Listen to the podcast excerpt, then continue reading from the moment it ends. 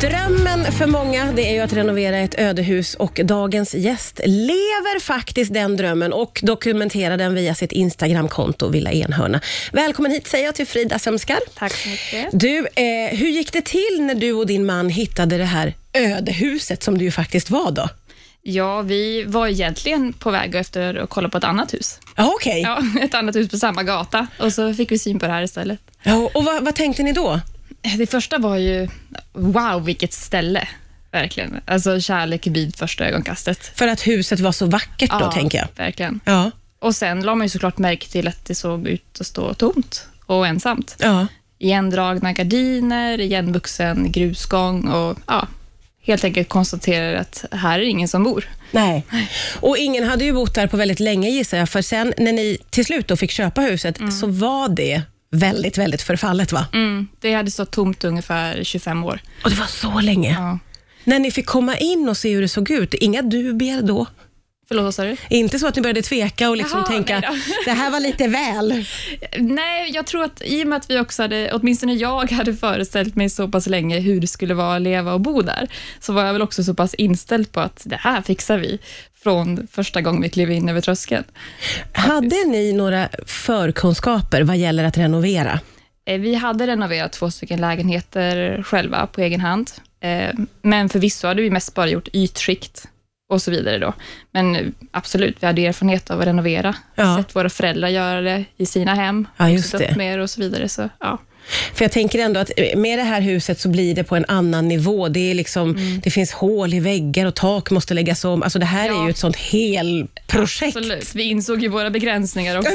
Okej, det var så. ja, vi, ganska omgående så tog, började vi ta in offerter från olika hantverkare för Ja. just de stora projekten. Ja, så just vi det. insåg att det här kommer vi inte kunna klara själva. Nej. Som småbarnsföräldrar som vi också är. Ja, just det. Det också. Ja. Hur har det varit att, att kombinera allt det här? För det här har ju tagit naturligtvis flera år för er att färdigställa huset. Det, main, alltså det stora tog väl ungefär två år att göra.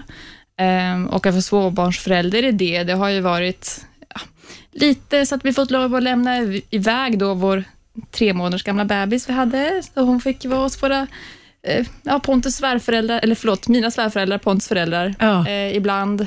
Eller ligga och sova i vagnen ute och vi var inne och jobbade. Och, ja, turades om att en dag var någon av oss med henne och en annan dag så Ja, var någon annan i huset. Allting går att lösa ändå, Definitivt. om man har en dröm.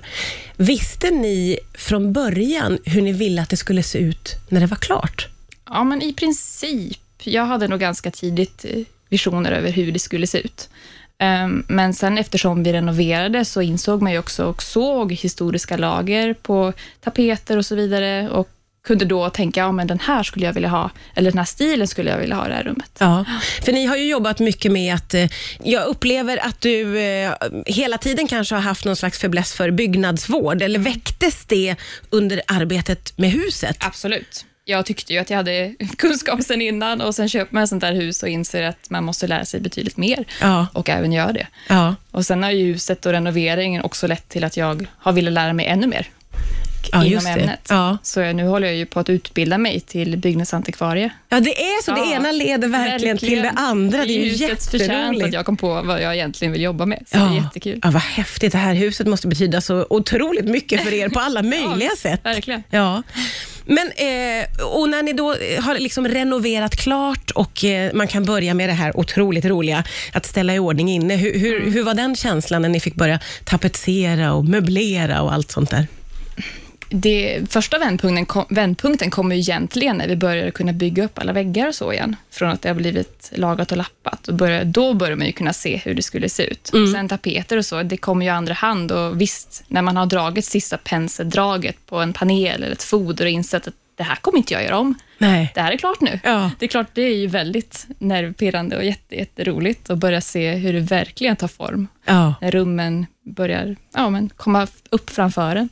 Ja, det måste vara häftigt när man har liksom följt det så från början. Mm. Eh, under den här resans gång så har ju du blivit väldigt stor på Instagram. Mm. Eh, hur har det varit då? Ja, det är så roligt att du tycker att jag är stor på Instagram. Nej, men det, från första början var ju det bara tänkt som någon slags renoveringsdagbok för mig och min familj. Och, ja, men för oss också kunna kolla tillbaka på vad det är vi har gjort faktiskt. Mm. Em, så det här har ju bara blivit större och det är ju jättekul. Sen har man ju också kunnat börja tänka lite mer strategiskt på hur man kan använda det för någonting också. Mm. Och som du säger, jag är intresserad av byggnadsvård och därför också kunna dela med mig av både det jag kan nu, men också det jag lär mig. Mm.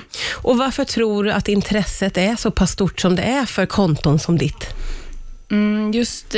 Ja, det finns nog lite olika aspekter, men precis som du sa, man vill gärna skapa sin egna, sitt egna hem och sin egna bild och kunna ja, göra det själv i så stor utsträckning som möjligt. Och Sen har vi, som, som jag sa förut, haft väldigt mycket hantverkare till hjälp, men vi har också kunnat göra väldigt mycket själva.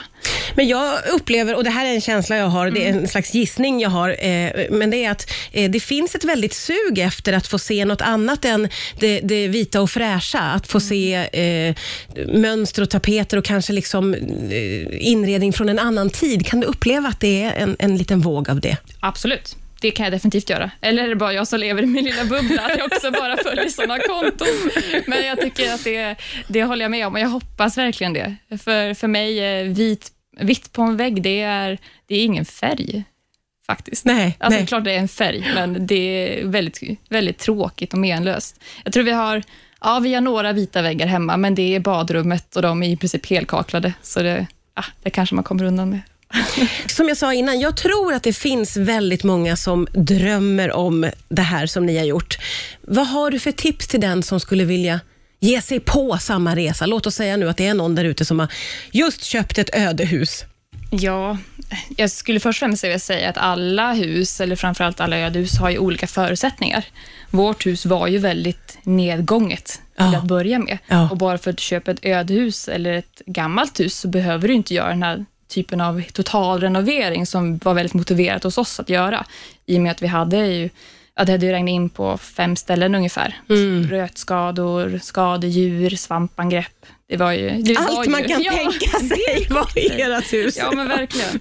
Så det är ju betydligt bättre att bara ja, men se till att du har tekniska, de moderna faciliteterna du vill ha, ha det igång och ja, men ta det tid, flytta in om det är möjligt Mm, och gör det varligt och varsamt mm. Och spara historiska fragment i den mån som går. Ja, just det. Eh, fanns det några stora fallgropar som ni trillade ner i, eller var det någonting som gick väldigt eh, åt skogen, som du liksom kan tänka tillbaka på? Egentligen inte. Det enda som jag sa, så historiska fragment kan jag tycka är lite tråkigt att vi valde i vår iver när vi började riva för att se vart alla skador var, att vi tog bort för mycket. Va, va, vad pratar vi om då för någonting men till typ exempel? Tapetlager och gamla tidningar och så vidare. Ja. Och Det var ju jättekul för oss att hitta. Ja. Och Det är ju klart att någon annan i framtiden vill ju kunna göra samma upptäckter som vi gjorde. Ah, För krasst så har vi ju bara husen till låns. Det kommer ju alltid några efter oss ja, just det. dem. Ja. Så det hade du velat vara lite mer varsam Ja, med? både och. För ibland när vi rev mer eh, tapeter så hittar vi ju fler skador också. Ja, ja. ja. Det- Man kan inte alltid spara Nej, man kan allting. inte det. Men Nej. sen har jag sparat väldigt mycket i, i en perm som jag har. Ja, ja, ja, men det hade ju roligt. absolut varit ännu roligare om det hade fått sitta kvar på väggarna. Ja. Men man lever och lär, så är det väl. Ja, just det. Du, får jag fråga, eh, vad händer eh, med er när allt är klart? När det inte finns något mer att göra? Hur blir det då? Det finns alltid mer att göra Ja, det är när så. du har ett hus. Ja, verkligen. Är, vi är ju inte färdiga än. Vi har ju små lister som jag helt ärligt tror aldrig kommer komma upp, faktiskt. Eh, och en trädgård som behöver ses om hand. Och, ja, uthus har vi också börjat se över vad vi ska göra med och så vidare. Så det finns ju alltid något att Ja, pyssla med. precis, för det går inte att inte ha ett projekt plötsligt. Nej. Då blir det för trökigt, gissar jag. Absolut. Ja. Ja, jätteroligt att få prata med dig. Eh, tack snälla Frida Sömskar för att du kom till Rix FM idag.